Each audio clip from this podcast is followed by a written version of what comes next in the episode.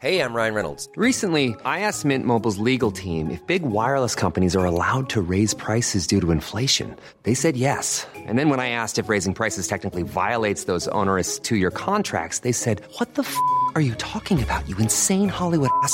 F- So to recap, we're cutting the price of Mint Unlimited from $30 a month to just $15 a month. Give it a try at mintmobile.com slash switch. $45 upfront for three months plus taxes and fees. Promo rate for new customers for limited time. Unlimited more than 40 gigabytes per month. Slows. Full terms at mintmobile.com.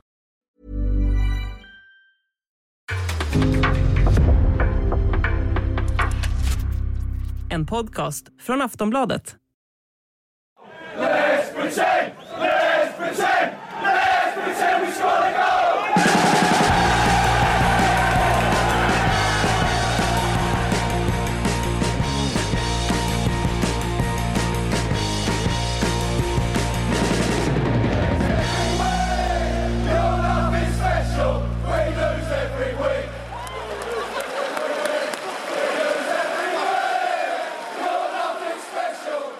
Sportbladets Premier League-podd tillbaks efter ett kort uppehåll. Vi hade ju lite silly extra då förra eh, veckan. Det blev en rätt dramatisk deadline day Frida. Eh, men nu sitter vi här och ska prata, prata fotboll som är spelad igen. Ja, precis. Det finns ju så mycket att prata om också efter den här helgen, så jag ser fram emot det. Ja, eh, och det är ju bara du och jag här idag. Makoto är fast i OS-bubblan. Jag ska strax kliva in i den själv också tänkte jag. Men, men du och jag får koncentrera oss på fotbollen här, eh, här och nu. Eh, vi har en hel del FA-cup att prata om. Vi har en Premier League-match eh, som spelades. Jag vet inte hur mycket det finns att säga om den. Ja, ja, men en del. Roys, Roys återkomst måste man väl ändå ta upp. absolut. Roys återkomst är ju är, är definitivt eh, värd att nämna. Ehm, men jag tänker ändå att vi ska börja eh, i FA-cupen och vi ska börja med det som hände i fredags. Eh, där vi hade en, en, en olycklig svensk i, i slutet på ehm, Manchester Uniteds uttåg då från, eh, från FA-cupen i mötet med Middlesbrough. Ja, det kändes väl från eh, ganska långt håll när Anthony Elanga klev fram till den där straffpunkten att usch, här kan nog komma en miss. Det var, hade ju varit sån hög klass på straffarna fram tills dess. Eh, Jag vet att du inte gillar det riktigt, du tycker hellre om när, när det är några grova Ja, alltså, missar. jag, det är inte missarna i sig, men jag gillar när, när känslorna tar över och så att det inte längre går att slå en riktig straff. Det är då jag tycker att, alltså så här, det, min, min, min generella inställning till straffar är att alla, alltså 100% av alla straffar ska gå i mål. Det, är- det är skitlätt att sätta en straff, det är inga problem. Det, är, alltså, det, det är inte, inte svårt att sätta en straff. Alla, män- Ah, okej, alla okej. människor som har spelat fotboll i liksom eh, sex månader eller mer kan, kan sätta en straff. Och en fotbollsspelare som är professionell och har spelat fotboll resten av liv och kan knorra in en boll från liksom 30 meter i krysset ska sätta tusen av tusen straffar. Men nu är det ju liksom det mentala och det är ju bara det mentala. Det finns liksom inget tekniskt i, i att sätta en straff. Det är bara mentala hinder. Vad tyckte du om eh, Sol Bambas mentalitet? När han klev fram och det var nästan min favoritstraff av, av allihop. Den, den var säker. Ja, ja men det, det, Han rörde sig ju knappt och ändå fick han på en sån otrolig power. Jag fattar inte hur det gick till alltså. nej, alltså ehm, han har gjort det förr. ja, det är sant. Det har han. Eh, Men han, var inte, han är inte så gammal som jag trodde att han var. För jag fick ju kolla upp när de bytte in honom. För jag tänkte, men herregud, spelar han fortfarande? Ja, men han är alltså- ju faktiskt bara 37. Jag, no, jag noterade honom först när, när han stod där. Jag hade inte ens, jag hade missat att han hade bytts in. Eh, och jag bara, vänta nu, Sol Bamba. Ja, otroligt.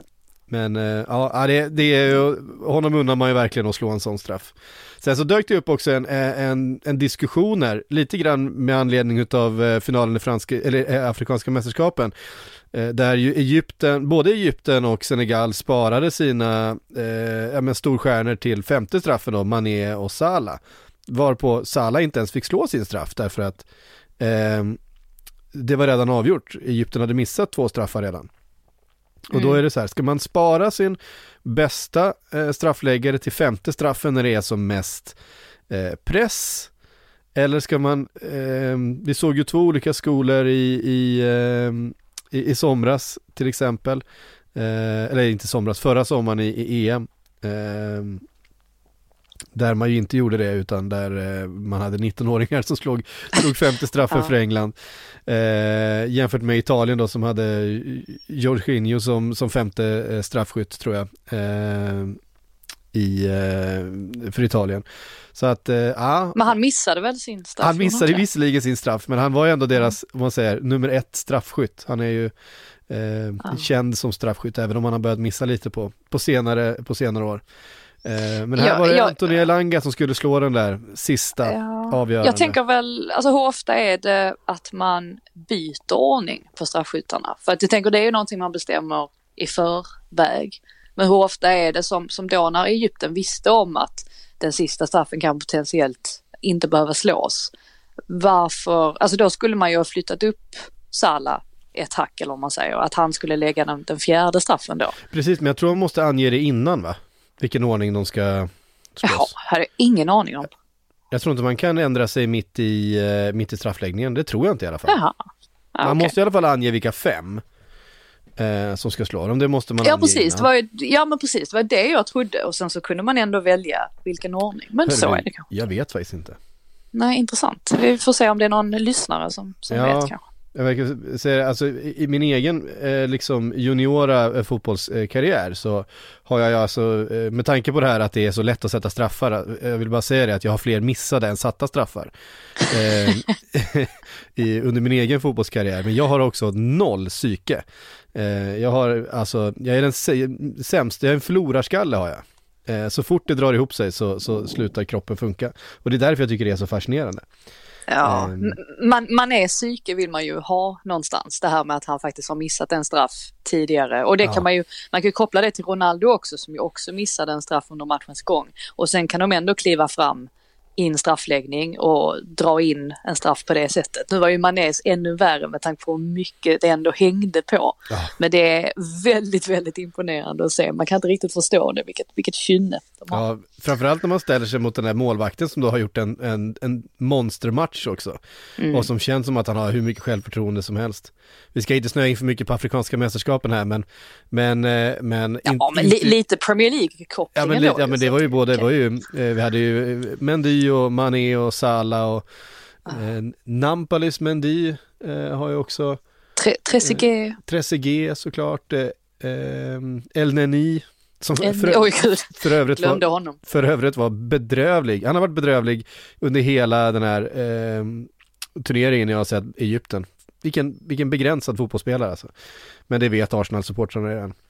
Ja. Ehm, men, um, nej men att stå där, men intervjun som var direkt efter när, när då eh, Gabaski, eh, Egyptens målvakt, har blivit man of the match och ska intervjuas. Alltså vi pratar inte ens fem minuter efter att han precis har förlorat straffläggningen. Men den, den visade de inte ens i, eh, vem var det som sände? Var det BT eller var det ITV? Ja, det var någon av dem. Ja, men det, ja, du missade ett stycke, stycke tv-historia där, för den, den körde de eh, på, på Viaplay, absolut. ja okej. Eh, och han, Sky- han Sky står där med med- tårarna bara rinner och sen så är det någon som, så är det någon som sticker fram då en mikrofon på en pinne så som vi gör i, i coronatider och så här, du blev matchens bästa spelare, hur känns det? Ja. Hur känns det han ändå? En försöker verkligen-. Han försöker verkligen tvinga fram ett leende där mellan tårarna liksom och så den här jösses. den här väldiga, nästan två meter långa, eh, liksom laggårdsväggen till kar står och försöker liksom, nej det, var, det var, eh, det var magisk tv var det. Magisk Men det, TV. det var ju skönt att se att Anthony Elanga fick väldigt mycket stöd också när han eh, missade sin straff. Alltså alla, alla var ju framme väldigt snabbt. Ja. Och eh, klappade om honom och, och sådär. För det var ju inte, det var inte hans fel att Manchester United förlorade den här matchen. De skulle Nej. ju ha avgjort den under 90 minuter, så var det ju. Det, det är ju det egentligen som är det absolut minst smickrande med Man Uniteds insats. Att Middlesbrough faktiskt var inte urusla, men de var ju direkt dåliga. Det här var ju inget bra lag, det syntes ju väldigt snabbt.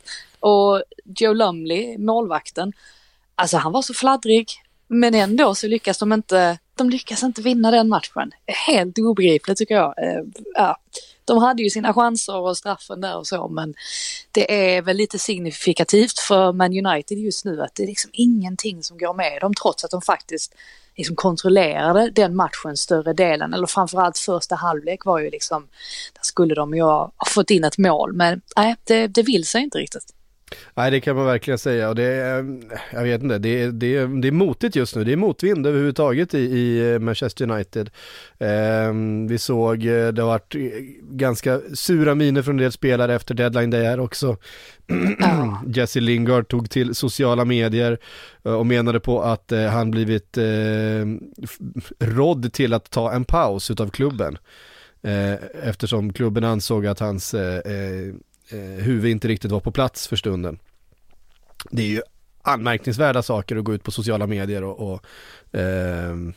Ja, att, att Ragnhild då hävdar att, alltså hävdar någonting helt annat och det är ju inte första gången det händer. Det var ju samma sak i Martial ärendet där att, mm. att han hävdade att Martial hade sagt att han inte skulle, att han inte kunde inkluderas men att tyckte Martial, nej det var inte alls så jag menade. Så att rent kommunikativt så är det ju någonting som inte stämmer just nu mellan tränare och spelare. Och det är ju oroväckande på, på sikt, alltså att det där, där stöket vill man ju inte hålla på och rodda med när man, när man liksom behöver ja, se till att insatserna blir bättre på planen. Det är ju det minsta man vill hålla på med då. Ja, och om det var någonting som Ole Gunnar ändå gjorde var ju att hålla folk på rätt bra humör. Eh, att, att stryk, Ett tag. stryka Medårs, men det är klart att, att resultaten kom ikapp alla de här vinnarskallarna till slut och att de kände att det var inte eh, hållbart. Men det kändes som att det fanns en, en, en, kommunikation i alla fall mellan, mellan tränare och spelare som var respektfull och, och liksom eh, ömsesidig. Eh. Nu har inte vi, vi har inte spelat in sen hela den här skandalen kring Mason Greenwood Nej. florerade. Och det, där får man väl också, liksom, eller vi har ju skrivit mycket i Sportbladet om det och jag skrev någon krönika och Simon Bank skrev en fantastisk krönika om det. Eh, så det, det, är väl klart att det måste man ju ut och fördöma och, och sådär och så får mm. vi väl se hur det blir nu med hela, ja, Vilket också antagligen var, om, vi, om, om man tänker rent sportsligt då, eh, sportsliga implikationer på det var antagligen en anledning till varför Jesse Lingard i slutändan inte eh, kunde lämna. Precis. Um, och det är också jävligt orättvist. ja, det blir väl också att alltså, en sån här grej bör ju rimligen skaka om en trupp också tycker man. Alltså det är ja. ju ändå en lagkamrat som försvinner helt plötsligt och nu vet vi ju inte om han kommer komma tillbaka om någon vecka för att man får ju bara stänga av en spelare i två veckor.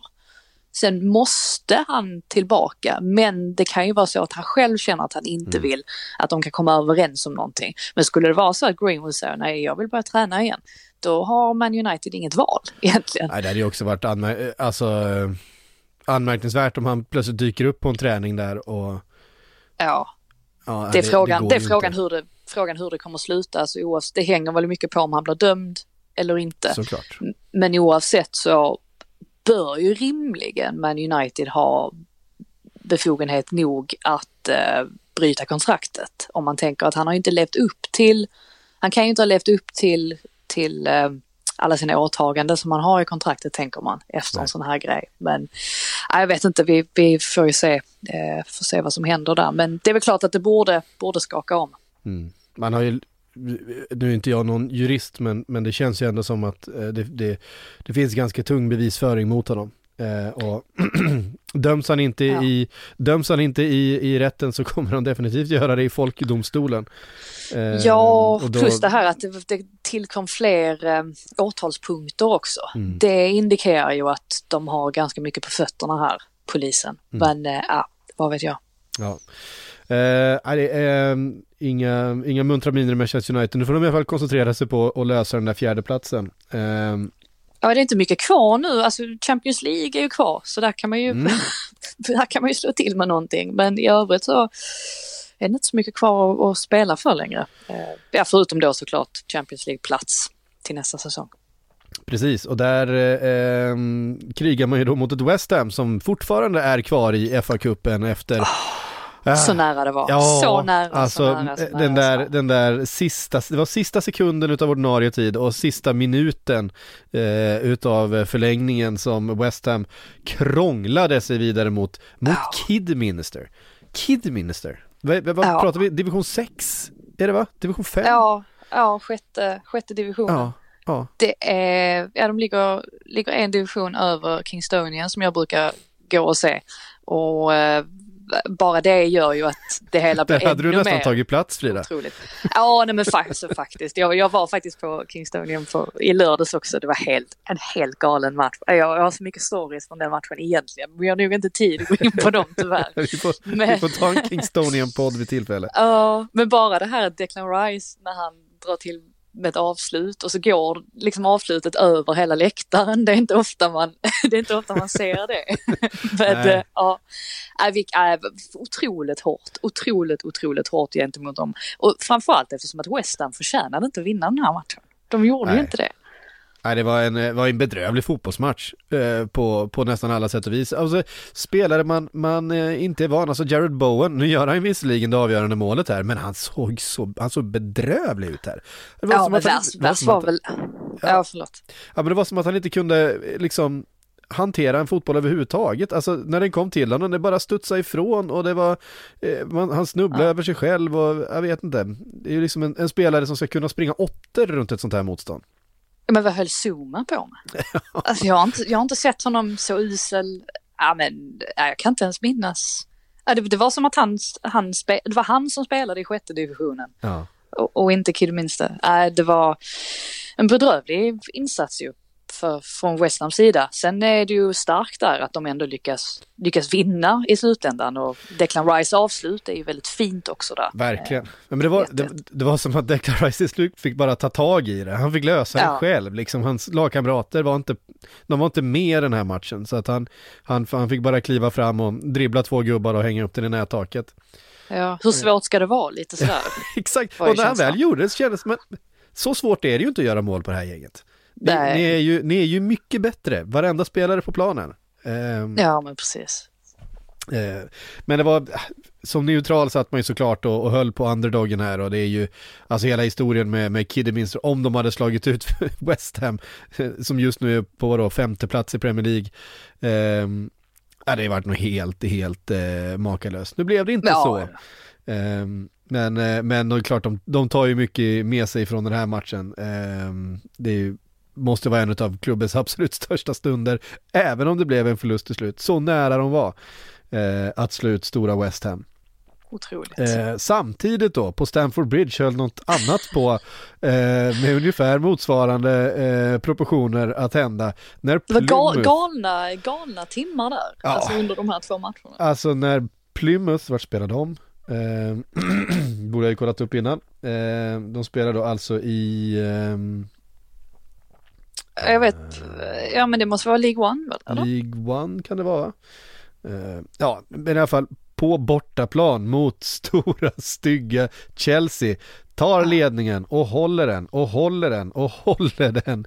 Eh, och är, Ja. Och hur, hur, tror du, hur är psyket på Ryan Hardy är ju frågan som Ja. klev fram till straffpunkten där Ja, i andra halvlek. där, där har du ju liksom ur exemplet för att, och då får de, ja men när man tror att det är liksom en, eh, eh, när det är kört, så får Mm. de en flytväst kastad till sig, det sista som händer med den här straffen.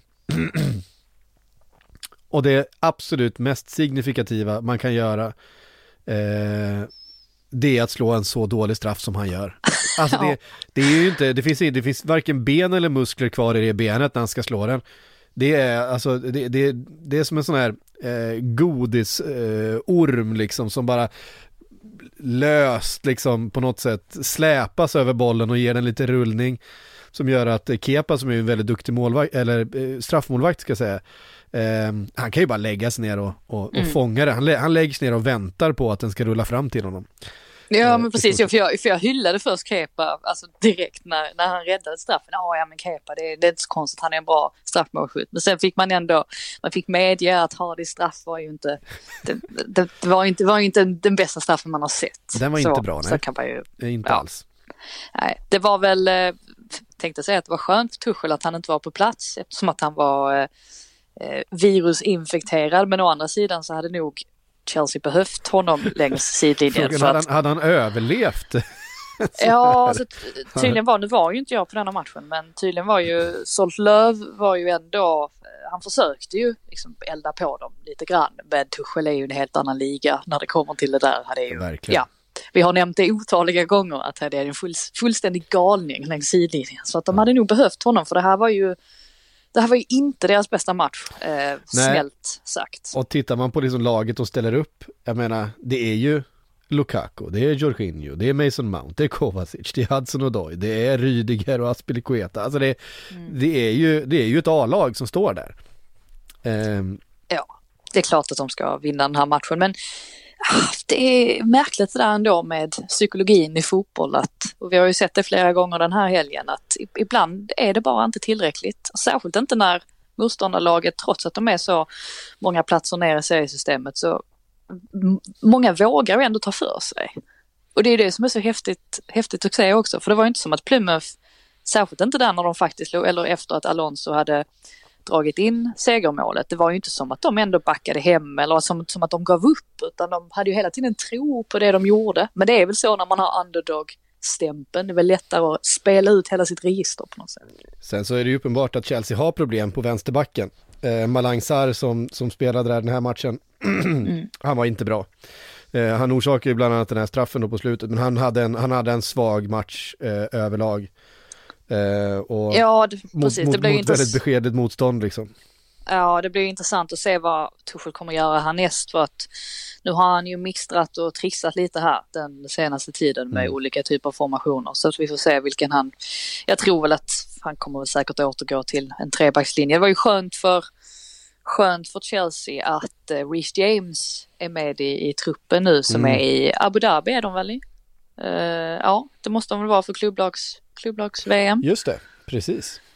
Och uh, det visar ju att han är på väg tillbaka så det måste ju vara oerhört skönt för dem. Även om Aspili Kueta var väl en av de bättre spelarna i den här matchen. Men det är väl klart att de hade behövt, behöver ju honom, alltså någon, någon wingback i alla fall som ja. Eh, kan återställa ordningen. Nej men Reece James ju, har ju varit en av nycklarna för, för Chelsea den här, eh, den här säsongen. Han är ju fenomenal i den där rollen som höger wingback. Eh, åt båda håll. Alltså han, han, han känns som helt komplett i den, i den rollen. Ja, han har eh, blivit det på något sätt. Ja. Alltså, tycker han har utvecklats jättemycket, särskilt det senaste året och verkligen, alltså just den defensiva biten har han verkligen lagt till sig med. Eh, så det är kul att se. Mm. Eh, Manchester City slog fulla med 4-1. Det var väl inga, eh, inga ögonbrynshöjande eh, insatser från någon eh, egentligen. Um, en av Deadline Days eh, centralfigurer, Carvalho, eh, slog till med ett mål eh, i matchen. Det, ja, han ville visa upp sig lite, lite mer nu inför ja, sommaren. För vem vet, det kanske är någon som kommer och kapar kapar den värvningen nu när Liverpool inte fick till den. Ja, det var intressant där att, att Jürgen Klopp faktiskt eh, pratade om honom på sin presskonferens då inför, inför fa mötet Vilket ger mig, ger mig ganska eh, stort hopp om att det här redan är, är avtalat mm. och klart. Han, han är ju, ja. han, hade inte, han hade inte pratat om honom om det inte var i stort sett färdigt. De lånade ju dessutom ut Neco Williams för resten av den här säsongen till Fulham, antagligen som en show of good faith på något sätt, eh, som en del i de har ju lite, de har ju lite, lite att reparera klubbarna emellan. De, Fulham var ju väldigt, eh, väldigt sura över Harvey Elliott eh, mm. övergången som de inte fick så mycket pengar för eh, när Liverpool klev in och bara eh, erbjöd ett seniorkontrakt till en 16-åring. Eh, Frågan är om eh, Fabio Cavallo, om inte han är ännu bättre, alltså en ännu större talang. Eh, han är ju äldre också ska jag säga, alltså han är ju ehm, jämfört med vad, vad Harvey ja, Elliot var när, 19, när, han kom. Han är 19, Carvalho. Han är fantastiskt bra. Mm. Eh, otrolig, jag menar, otroliga kombinationen av att vara eh, typiskt liksom portugisiskt, eh, skicklig med fötterna, snabb och små, eh, på små ytor och, och duktig på att vända upp och så vidare. Men också liksom engelsk fostrad, att han kan göra det här i Championship med det tempot och den, den fysikaliteten som krävs. Liksom. Mm. Eh. Fungerat väldigt bra ihop med Mitrovic eller strax bakom Mitrovic. Ja. Eh, har ju sett väldigt bra ut. Um, men uh, 4-1 till Manchester City och ja, rätt väntat resultat får man säga. I Everton så såg vi Frank Lampard göra sin första match då som, som Everton-tränare. Ja. Det blev ju bra. Det gick ju vägen. En, en Lampard-effekt direkt då mot, mot Brentford med 4-1. Eh, Jeremina, Richarlison, Mason Holgate och eh, Andrews Townsend till slut då satte eh, slutresultatet. Ja, 3-4-3 körde han på Lampard. Det är ju alltid intressant att se eh, vad en ny tränare tar sig till med ett lag. Men, eh, men det var, stämningen var ju, kändes ju oerhört mycket bättre än vad det har gjort under, tidigare under säsongen. Och inte ens när eh, Brentford ändå fick in eh, ett mål där, eller en reducering var det väl till 1-2 va. Så de tappade aldrig riktigt tron, alltså varken supportrarna eller spelarna. Och är det någon jag är orolig för just nu så är det faktiskt inte Everton utan Brentford. För jag mm. tycker att de har sett väldigt skakiga ut de senaste veckorna och det kanske nästan är bra att de åker ur kuppen här för att jag tror att de kommer få det, de kan möjligtvis få det lite tufft i, mm. i ligan eh, just med tanke på deras sviktande form. Och tycker även att Thomas Frank, tränaren, att han har börjat tappa det lite grann i intervjuer och han drar på sig röda kort efter slutsignal och han är inte alls den här lugna och stabila dansken längre. Det är inte ofta man har sagt det dock, eh, lugn och stabil dansk. men, eh, men det är väldigt påtagligt just nu. Lugna och stabila han, danskar hittar man ju bara på Christiania. Ja, eh, precis. Och han sa ju efter den här matchen att ja, ja de, hade, de hade fyra lägen och gjorde fyra mål. Alltså det är mycket den typen av kommentarer just nu, att man slår ifrån sig hela tiden. Jag tror inte att det är särskilt bra, men vem vet, Christian Eriksson kanske kommer in och, och räddar upp mm. räddar upp dem till slut. Får väl se när han får, när han får spela, när han är redo. Mm. Jag tyckte det var också intressant med Everton och den 3-4-3 Fick in Richarlison som nia då, um, Gordon från start, vilket jag tycker är mm. givet med tanke på säsongen han har haft. Ja, och det där, uh, känner inte du också att det där är en typisk Lampard-spelare? Att han brukar hitta någon, jag tänker som, så som ja, han men, gjorde med Mason Mount, ja, att det blev hans lärjunge lite grann, att nu kommer Anthony Gordon vara hans lärjunge. Ja. Uh, jag tror att det kommer bli så faktiskt. Nej men också upp med Seamus Coleman på en wingback, låt, låta honom bomba på, uh, ge liksom Gordon understöd. Eh, nyförvärvet Mykolenko då ute till vänster. Eh, ja, det... Han såg bättre ut också. Han har ja. ju varit, kat eh, alltså inte katastrofal kanske, men han har inte sett bra ut eh, sedan han kom dit. Men, men här gjorde han en fullgod insats i alla fall så att han kanske bara behövde lite akklimatisering. Mm. Och nu har väl Ashley Cole också, eh, har väl han anslutit till, till ledarstaben där så att han kommer ju få bra coach, coachning i alla fall. Just det. Får man ju säga. Mm. Och eh, när Calvert Lewin eh, blir helt spelklar så, så är det ju en spännande fronttrio där med Calvert Lewin centralt och Richarlison till vänster om honom. Det, det vet vi har mm. funkat mm. väldigt bra. Eh, och så Gordon såklart. Ehm, och jag menar, André Gomes och Allan, man kan spela Ducoré i någon av de där två rollerna också. Ja, och sen ska då in van de Beek och Deli Ali. ja, just det, det ska, de ska in i det här också. Ja. Eh, men det, jag tycker det ser lite, lite lovande ut. Det finns, det finns, eh, finns hopp i alla fall i, i Everton. Det var något man inte så hittade så mycket av för ett par veckor sedan. Eh, men det, det, det svänger känns, snabbt. Ja, det gör ju det. Eh, men de behöver få med sig lite, lite poäng i ligan här också så att det känns, man kan lägga lite distans mellan sig själva och den där nedflyttningsstriden så kan man ta det lite lugnt och börja hitta ett spel igen. Ehm, så mm. kommer man nog reda ut det här eh, till slut. Superskräll fick vi igår när Nottingham krossade Leicester. Alltså vad, vad, är det som, vad är det som händer i Leicester den här säsongen? Det är så jävla upp och ner alltså. Försvaret är det ju än en gång som mm. man eh, tittar på för att, eh, ja men vilken defensiv kollaps det var. Eh, och just det här också att Nottingham Forest, nu har de slagit ut de två senaste fa cupvinnarna Först Arsenal och sen Leicester. Bara det är ju väldigt anmärkningsvärt. Och Leicester hade de här jätteproblem att hantera. Det var ju särskilt där, återigen, Jed Spence. Det är ju en kille vi kommer att se i Premier League så småningom. Alltså ja. det, någonting annat kan man ju inte se efter, efter de här eh, fa Cup-matcherna. Och Brennan Johnson då också, de två. Eh, Leicester hade ju otroliga problem med att hålla styr på dem. Jag tror även att Brennan Johnson han har säkert också en väldigt ljus framtid och kan eh, säkert också eh, dyka upp i Premier League så småningom. Det var väl till och med så att Brentford var intresserade av honom nu i januari och tror de budade ja, men 10 miljoner pund eller någonting sånt där. Men Forrest ville behålla honom och det förstår man ju varför. När man, eh, de tror nog att de kan få mer betalt för honom än, än bara 10 miljoner pund. Och nej, alltså de, sen var det ju, det var ju många mål på väldigt kort tid också. Alltså Leicester hade väl någon chans där inledningsvis och sen helt plötsligt så ligger de under med 3-0. Det var, det, det var chockartat. Eh, och det var väl i samband med 3-0 målet som den här Leicester-supportern sprang in på planen också och svingade några knytnävar mot eh, motståndarspelarna. Men han har ju stäng, stängts av nu på, på livstid så det var väl farväl. Ja, good riddance. Um, ja, det, det och um, Brendan har ju varit ute här och sagt också att det Ja, det är, vilken sågning alltså. Ja, jävlar. Det, det är många som hänger löst just nu. efter, den, efter den intervjun så hade det varit jobbigt och jag tror det, det är lite jobbigt att komma in på träningsanläggningen som spelar i Leicester just nu. För att han, han kokar verkligen, eh, Brennan Rodgers. Så Men vem, vem är det han hänger? Är det Amatei eller? För han var ju bedrövlig. Han var bedrövlig, nej men jag tror att, eh, eller som jag kände som så, han sa väl mer eller mindre det är ganska många som behöver lämna den här klubben.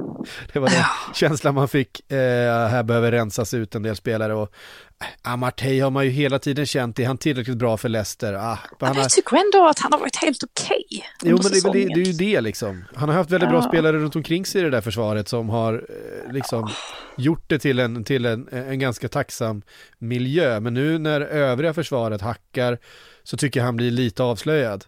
Eh, han tog ju några, några usla beslut ja. Eh, under gårdagen i alla fall. Det är ju framförallt det som jag tycker är hans problem, beslutsfattandet. Eh, för att han är ju, eh, han är stark och han är duktig med boll och så vidare, han är duktig duellspelare men men eh, tar ibland eh, dumma liksom frisparkar och kort och så vidare eh, vid fel tillfällen och sådär. Så att eh, eh, nej, när det där försvaret har inte riktigt funkat. Kan man eh, lugnt påstå. Eh, den andra stora skrällen igår då, Boreham Wood vidare till åttondelsfinal i FA-cupen och det är ju, det är ju jävligt häftigt alltså. Ja, det är, det är fullkomligt sanslöst. Eh, jag ska bara säga en till grej på, eh, på Nottingham Forest där att mm. det finns en otrolig rivalitet de klubbarna emellan. Och Nottingham var nog den enda platsen på planeten som inte var glada över att Leicester vann ligatiteln 2016. För de tycker ju fortfarande att deras bedrifter då när de gick upp i ligan och vann titeln och tog två Europacup-titlar, att, att det, det trumfar allt. Eh, så att det var, det var så, lite grann som en, ja men lite revansch för dem också, att de fick visa att, eh, ja, inte, inte att de är, de är bättre än Leicester egentligen eftersom att Leicester spelar i Premier League, men att de i alla fall fick lite revansch för, eh, för det där. Eh, så, eh, nu, nu ska vi prata Warren Wood. Ja. Ja, nej, det är ju det är fullständigt... Quality sleep is essential for boosting energy, recovery and well-being. So, take your sleep to the next level with Sleep Number. With a Sleep Number smart bed, you can individualize your comfort level and enjoy a better sleep night after night. JD Power ranks Sleep Number number 1 in customer satisfaction with mattresses purchased in-store. And now the Queen Sleep Number C4 smart bed is only $1,599, a saving of $300 only for a limited time. For JD Power 2023 award information, visit jdpower.com/awards. Only at Sleep Number stores or sleepnumber.com. Det är fullständigt magiskt eh, egentligen. Alltså Bournemouth för det första nästan hetshandlade ju på deadline day. Värvade in fem spelare bara sådär.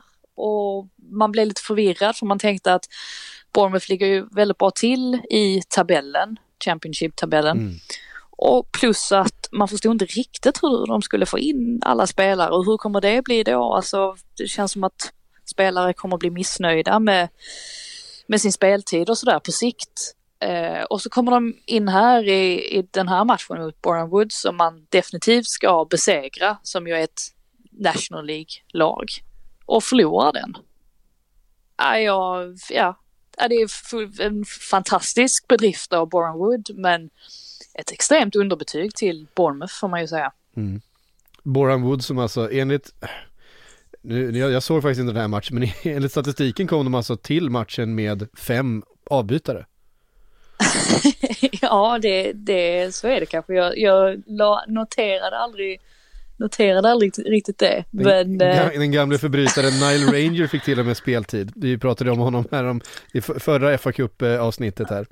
Um, ja, Adrian Clifton är väl också gammal förbrytare, låter ju hemskt att ja, säga, men det var väl också något. Det är väl. ja, ja eh, och Nej, faktiskt. Ranger är det definitivt. Ja, och faktiskt Mark Rickett som gjorde målet där, han var faktiskt i Charltons akademi när Scott Parker spelade på, på deras mittfält. Så att det fanns också en liten koppling däremellan, men sen dess har ju inte hans Alltså Ricketts karriär tog ju inte fart utan han lämnade ju Charlton och sen har jag harvat runt i, i klubbar lite lägre ner i, i systemet. Eh, nej, det är fullständigt, fullständigt eh, sensationellt egentligen och det är fantastiskt när man ser tränaren där, Luke, Luke eh, Gerard, som, som går runt där och är helt tårögd. 1400 tillresta supportrar. Mm. Ja, det, är, det är vackert, det är verkligen the magic of the FA Cup som man brukar säga. Ja. Nej, jag, jag, lyssnade på en intervju med honom nu på, på morgonen och han är ju, han är ju skön att lyssna på. Eh, han, han, han är ju så här, men jag vet ju att vi inte, Eh, vi har ju sagt hela säsongen, vi är inte det bästa laget, vi är inte det bästa laget, vi är verkligen inte det bästa laget i FA-cupen, men vi är inte det bästa laget i vår serie heller. Vi har inte de bästa spelarna, vi, vi vet att, men vi, vi tar bara en match i taget och vi vet att en match kan man alltid vinna. Um, och det är den inställningen vi har. Um, och det, det har ju burit eh, långt i FA-cupen. Nu blir det Everton i, i, eh, i åttondelen här, det blir kanske lite för tufft men eh, vilken upplevelse då för Boran Wood-spelarna som ju absolut inte är, är heltidsproffs allihop. Det, Adrian Clifton tror jag bland annat, han är väl eh, Ja, han, ja han, han, var väl gas, eller han, ehm, han fixar väl eh, Precis. pannor och sånt eller vad ja, säger exakt, man? han jobbar med värmepannor. Vär, eh. värmepannor. Ja. VVS heter det kanske på svenska. VVS vet inte, det här, det här ska jag göra. det här ska jag ha, ha, ja, det är ha ditt område för. ju. Ja, det är ju sånt här jag, man har mig till tänker jag. Um, uh. De spelar ju sina hemmamatcher på um, eh, As, en av Arsenals arenor där, där damlaget bland annat spelar, Meadow Park. Mm. Eh, också lite rolig kuriosa sådär. Mm. Um, vi hade fler resultat att uh, prata om. Tottenham slog ut Brighton. Mm. Uh, i, Kulusevski. Mm, I Kulusevskis debut kom in och fick spela en, uh, vad fick han, en 20 minuter ungefär va? 22 minuter ja. till och med. uh, och gjorde det faktiskt, gjorde det bra. Helt okej. Okay. Ja, han, eh, det är så kul också, eller det är ju lite roligt det där med att man som svensk sitter och synar varenda litet steg han tar. Så blir det ju.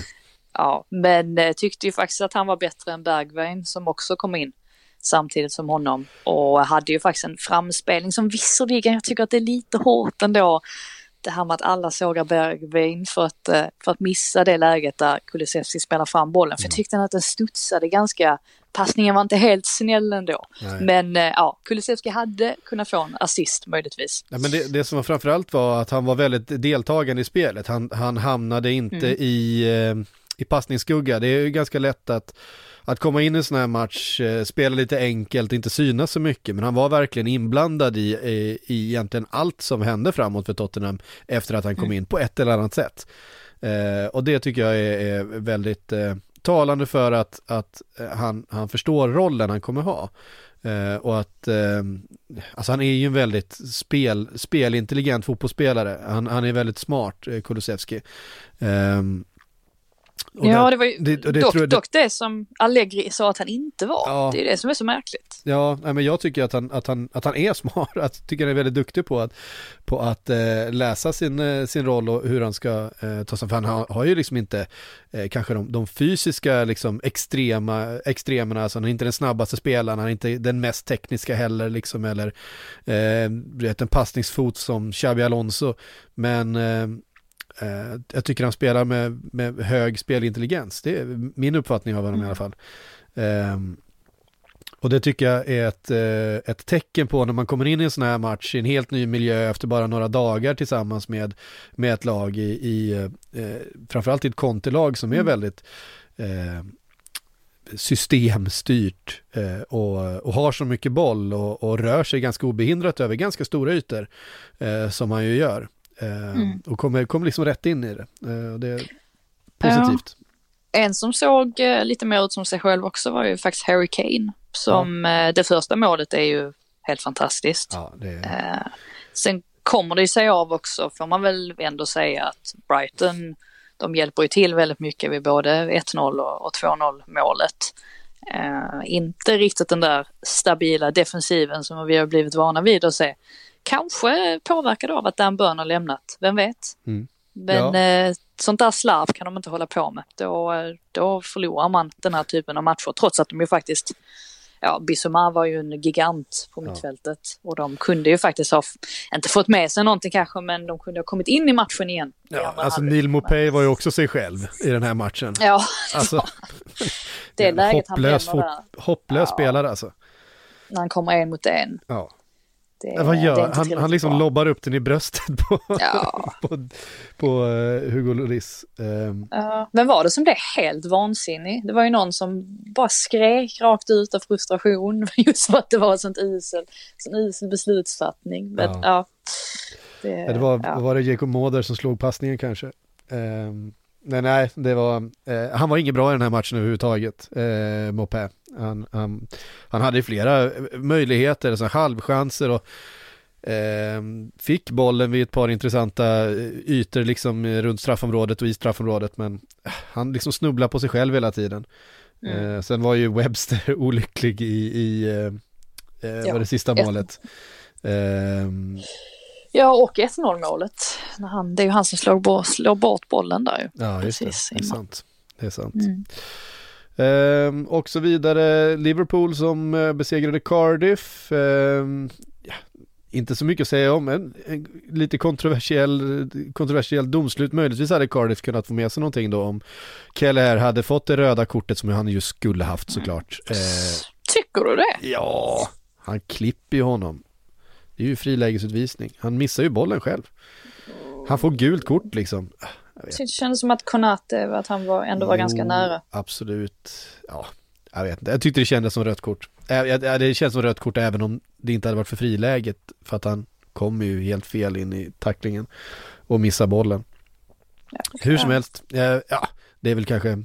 ehm, han blev kvar i alla fall. Det fanns ju VAR. De, de domarna fattade beslutet att det inte var mer än gult kort. Ehm, Liverpool var ju såklart det, det bättre laget. De hade 80% av bollinnehavet i den här matchen. Så att det var ju inte direkt någon, ehm, eh, någon jämn match i, i övrigt så. Ehm, däremot eh, kul, eh, Harvey Elliott tillbaks då efter sin eh, ganska allvarliga fotledsskada, varit borta i 140 dagar någonting. Eh, kom Ja, tillbaks direkt fantastiskt. och såg, eh, såg riktigt fin ut och gör ett, eh, ett väldigt vackert mål. Underbar nedtagning och distinkt avslut. Såg du eh, videon på hans pappa som var på läktaren? Nej, den har jag inte sett. Äh, äh, när han efter målet, han, han, han ställde sig ut till och med för att han är ju tydligen livslång eh, Liverpool-supporter. Okej. Så stod han bara så, han bara stod i gången med händerna bakom, eh, bakom huvudet. Som att han var märkbart berörd av scenerna och det är ju inte så konstigt när man vet alltså, vad en son har gått igenom Ja. en sån, sån pass allvarlig skada ändå. Eh, men vilken fantastisk inställning han ändå har, har Elliot. Klopp sa ju det att dagen efter, eller dagarna efter hans skada så var ju Klopp nästan mer nere än vad Elliot var. Han sa liksom nej, nej men deppa inte över det coach, tyckte han. Ja, det här, det här blir bra. Ja, på, tal om, på tal om det här med bra inställningar. Eh, Ja. ja. Det, finns, eh, det finns många fotbollsspelare med, eh, med det kynnet. Ja, nej, han är, han är, han är ju en speciell, en speciell 18-åring, det får man, det får man säga. Han, det är ju inget snack om att han, att han hör hemma på den här nivån. Eh, och att han, att han ska in och, och spela här. Eh, det finns ju andra spelare som kommer behöva växlas ut. Vi har sett både, tycker jag, Jordan Henderson och James Milner som har ju varit trotjänare på det där mittfältet under, under många år nu. Och Båda två tycker jag eh, visar den här säsongen att de inte håller, framförallt Milner tycker jag har tappat ganska mycket i sitt, i sitt tempo eh, den här säsongen jämfört med tidigare år. Men även Jordan Henderson ser inte alls så stabil ut som eh, han gjort tidigare. Det, det kan ju kanske vara, han är ju lite yngre, men det, det kan ju kanske vara en tillfällig eh, formdipp också. Men, eh, Ja. Och så med- ser man ju på, på, en sån som, på en sån som Minamino också. Nu tycker jag att han har ju ändå gjort ett gäng mål ja. eh, och sådär. Men man märker ju att det är ju ingen startspelare i Liverpool. Och han kanske inte är som Divock Origi och, och är nöjd med att sitta på bänken. Alltså för, för resten av karriären höll jag på att säga. Nej men att inte vara inte var första valet. Eh, men eh, ja, vad tyckte du då om, om, om Diaz som kom in där Ja, också? det är ju, eh, det är ju, det är ju en spelare med, med självförtroende, det, det märks ju. Han, eh, eh, jag tycker allting runt om honom, honom sedan han, han kommit in till klubben har varit eh, väldigt positivt. Han pratar ju ingen engelska till att börja med. Eh, men, Vad skönt. ja, och det är liksom, no, no habla ingles liksom. Eh, och det är, men det är okej, men då finns ju Pep Linders där som pratar, eh, pratar portugisiska såklart efter alla sina år i, i, i Portugal och Luis Diaz pratar ju också portugisiska då efter sina år i, i, i, i Porto. Eh, och där finns det ju ganska mycket spelare. Sen så har han ju James Milner som är ju flytande i spanska.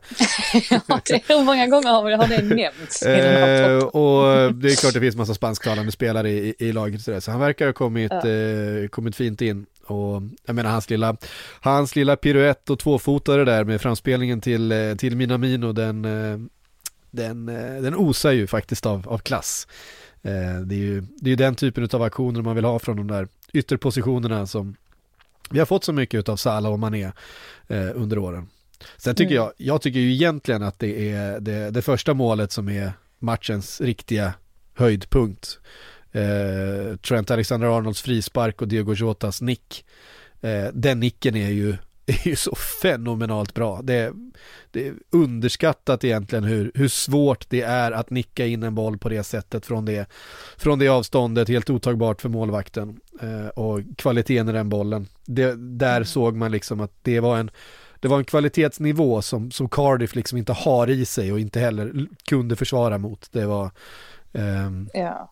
Både Alexander Arnold och Robertson som assisterande. Eh, eller som assisterade till, till mål. Ja. Ännu en gång. Igen. Det visar ju också att, ja, det har vi sett förr. det, Vad, hur, det- hur, det tror de du kemin, hur tror du kemin kommer att vara nu när Mané och eh, Salah kommer tillbaka från Afrikanska mästerskapet? Det kan bli intressant. Ja, det finns mycket att välja på där plötsligt i, i anfallet. Ehm, jag tror väl att alltså, fronttrion den här säsongen är ju eh, intakt. Eh, jag, Ja, jag tänker mest på dem emellan. i och de med emellan, att- det var ganska fint ändå. Mané var ju, var ju framme ganska snabbt efter, eh, efter sista straffen där och pratade med, med Salah eh, och klappade om honom och de hade en liten, liten pratstund på planen där. Eh, de verkar ju tycka rätt bra om varandra. Eh, och såklart har ju känt varandra i ganska många år nu. Sen blir det väl, sen blir det väl, de brukar väl ha lite så här eh, ritualer för, för när en spelare kommer tillbaka från ett mästerskap och har, har vunnit. Eh, hur man tar emot en spelare med, med, eh, ja, med lite sång och lite, man gör lite fest liksom när de kommer tillbaks. Jag hoppas att de inte kommer samtidigt då. de kliver in samtidigt och är det, hurra! Eh, Ja, det blir lite jobbigt kanske.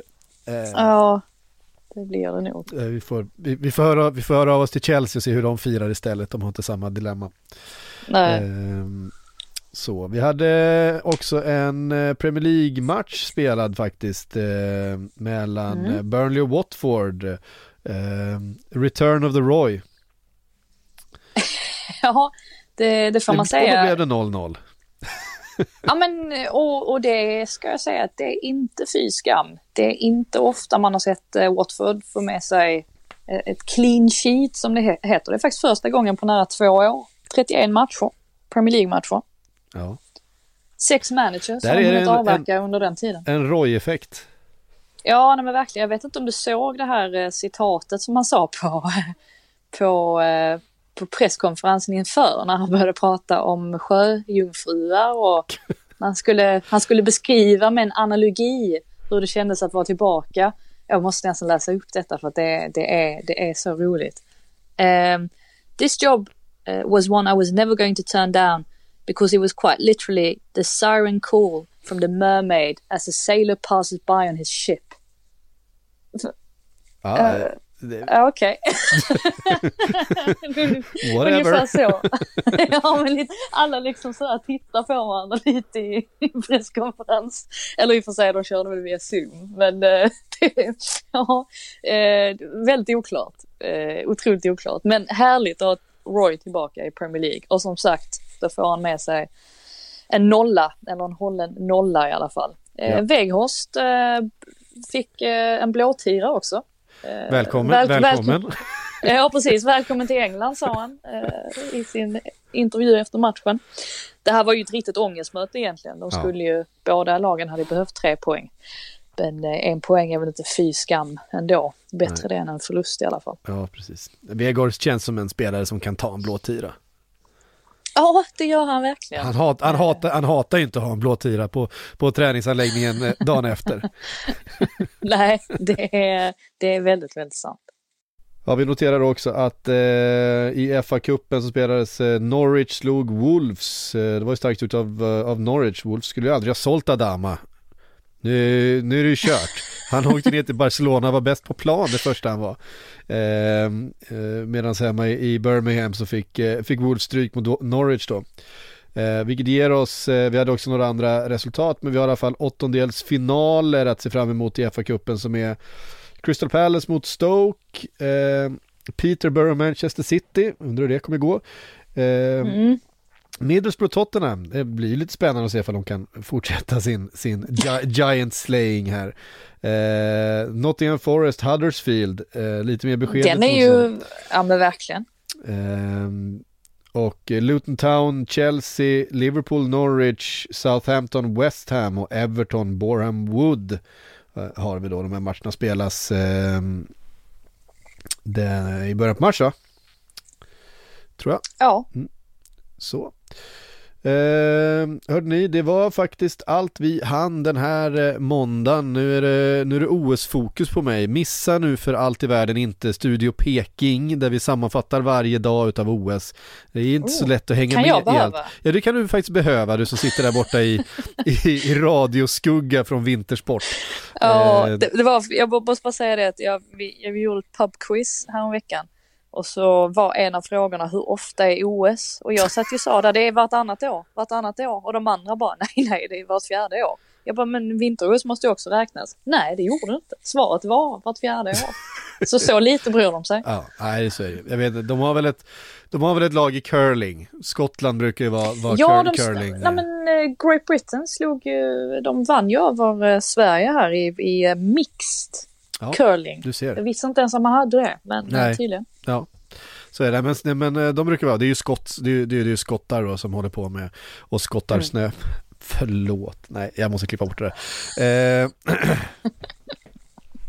Eh, hur som helst, vi, vi, nej, vi, vi kan inte hämta oss från det. Eh, Sportbladets Premier League-podd är tillbaka nästa vecka igen då med eh, massor av Premier League-fotboll faktiskt. Vi har mycket att se fram emot här i veckan och till helgen eh, så kanske vi får följa upp lite och se hur det går för Chelsea då borta i, i klubblags-VM. Ifall de kan eh, försvara de engelska färgerna där. Eh, tusen tack för att du var med idag Frida eh, och till alla ni som har lyssnat på återhörande.